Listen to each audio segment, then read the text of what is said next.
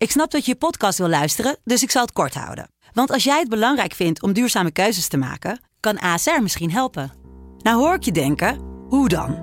Nou, bijvoorbeeld bij het duurzaam herstellen van schade. Of de premies die we beleggen volgens ons duurzaam beleggingsbeleid. Dat bepaalt waar we wel en juist niet in investeren.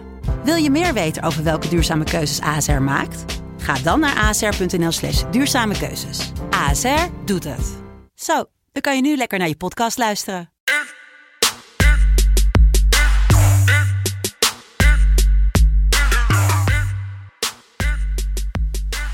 Goedemorgen, het is eh, zondag 7 maart 2021.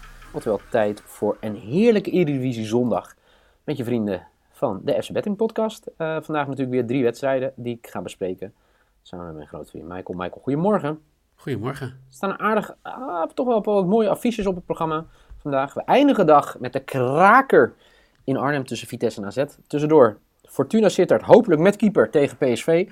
En we starten zometeen tussen de wedstrijd met de twee ploegen die het minst gepasseerd zijn dit jaar. Ajax en FC Groningen. Hoe is het, Michael? Goed, ik, eh, ik kon niet echt slapen vannacht. Oh. Ik, eh, dus ik heb eh, de hele dag een beetje naar nummers van DJ Khaled zitten luisteren. Oh? En er zit altijd gewoon één favoriet van mij tussen. En dat is... En dat is... All I do is win, win, Ja, win, no matter zo. what. Want het staat eh, 6-1, Niel. Oh, eerste set naar jou. Eerste zes naar mij. Ja, de eerste Of- set. Ja, oh zo. Ja, ja. ja, scherp. Nee, maar weer, weer eh, vorige week... eh ja, Bo Boskagli pakte geel. Ja. Ehm, AZ Feyenoord was na één helft 2-2. En Strand Larsen viel geblesseerd uit, maar dat maakte niet uit. Want die had Fortuna die, eh, die niet ging verliezen bij Groningen. En Haller. Goh, ja, ongelooflijk. Ja, zeker.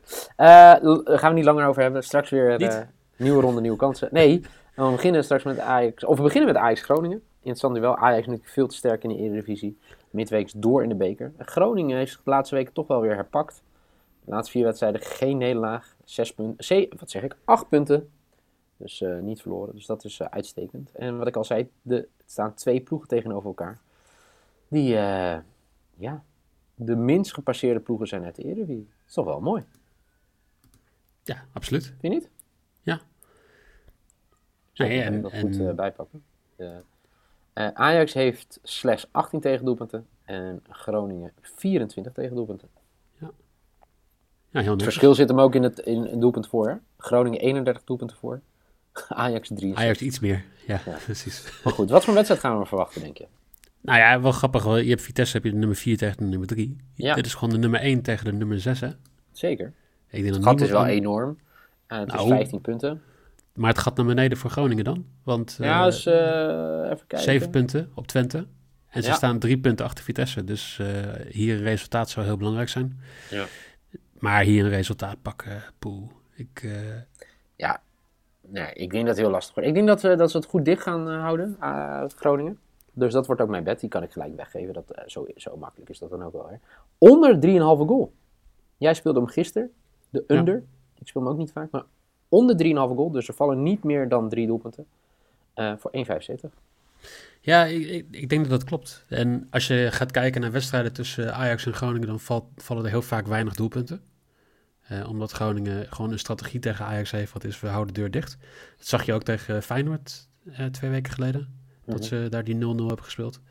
En ik denk in het algemeen heeft Groningen gewoon heel veel 1-0, 0-0, 1-1 wedstrijden dit seizoen gehad. Dus dat, eh, ik sluit me daar redelijk bij aan. Maar wat er wel gaat gebeuren, en dat is eh, natuurlijk omdat Dennis Liegler is eh, onze scheidsrechter voor deze wedstrijd. Ja. En die geeft in 14 wedstrijden al 11 penalties. En een penalty given staat op 2,90. Dus dat is mijn risk voor vandaag. Oké, interessant. Gewoon 11 uit 14 Ja. wedstrijden. Dat is echt heel veel. Eh, nou, misschien speel ik die ook wel mee. Ik vind hem wel heel leuk, leuk gevonden. Sowieso mijn, mijn eh, maybe is onder 3,5 goal. Maar deze speel ik misschien sidebedje wel mee. Goed gevonden. Sidebet Sunday. Gaan we door naar Fortuna tegen PSV. Natuurlijk een enorme rel midweeks bij Fortuna. Uitgebreid over gehad in de dailies. De FC Afrika Daily podcast. Eh, neem het op tegen PSV. Ook wel veel aan de hand geweest bij PSV. Mo Iataren eh weggegeven tegen Ajax. Ja, wat voor een wedstrijd verwacht jij?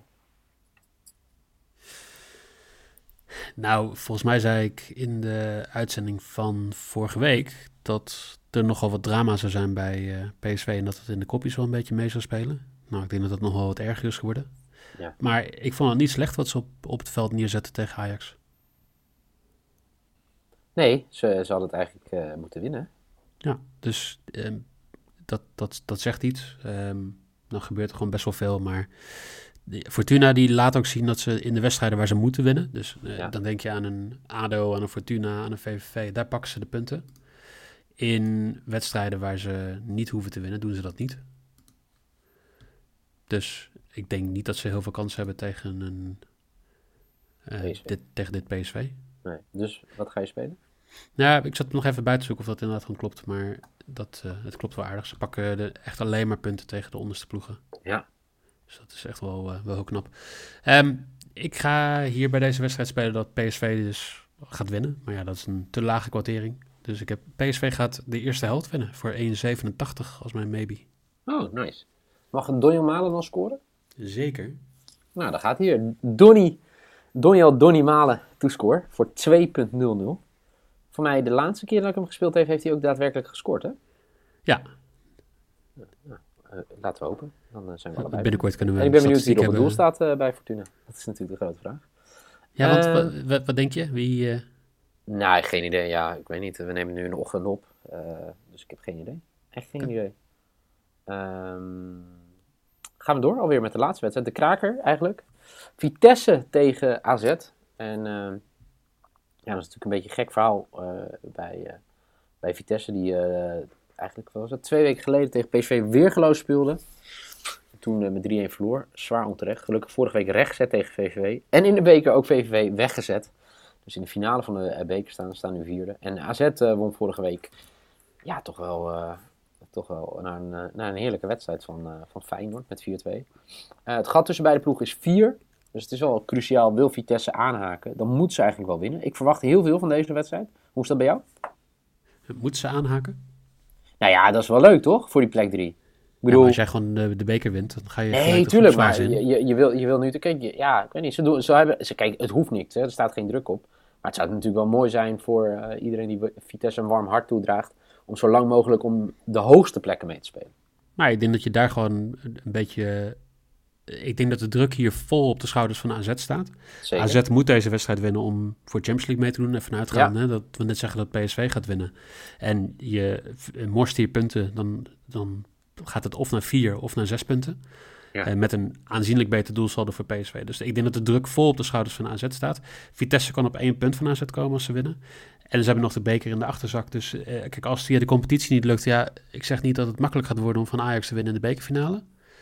Maar je hebt nog wel iets in ieder geval in de achterzak, terwijl AZ dat niet heeft. Dus ik Zeker. denk dat Vitesse hier iets vrijer kan gaan spelen. Ehm, ik denk dat ze ook de laatste paar wedstrijden... Nou, ze laten vooral zien dat ze goed van VVV kunnen winnen. Ja. Want dat doen ze al twee keer in, eh, in een week tijd.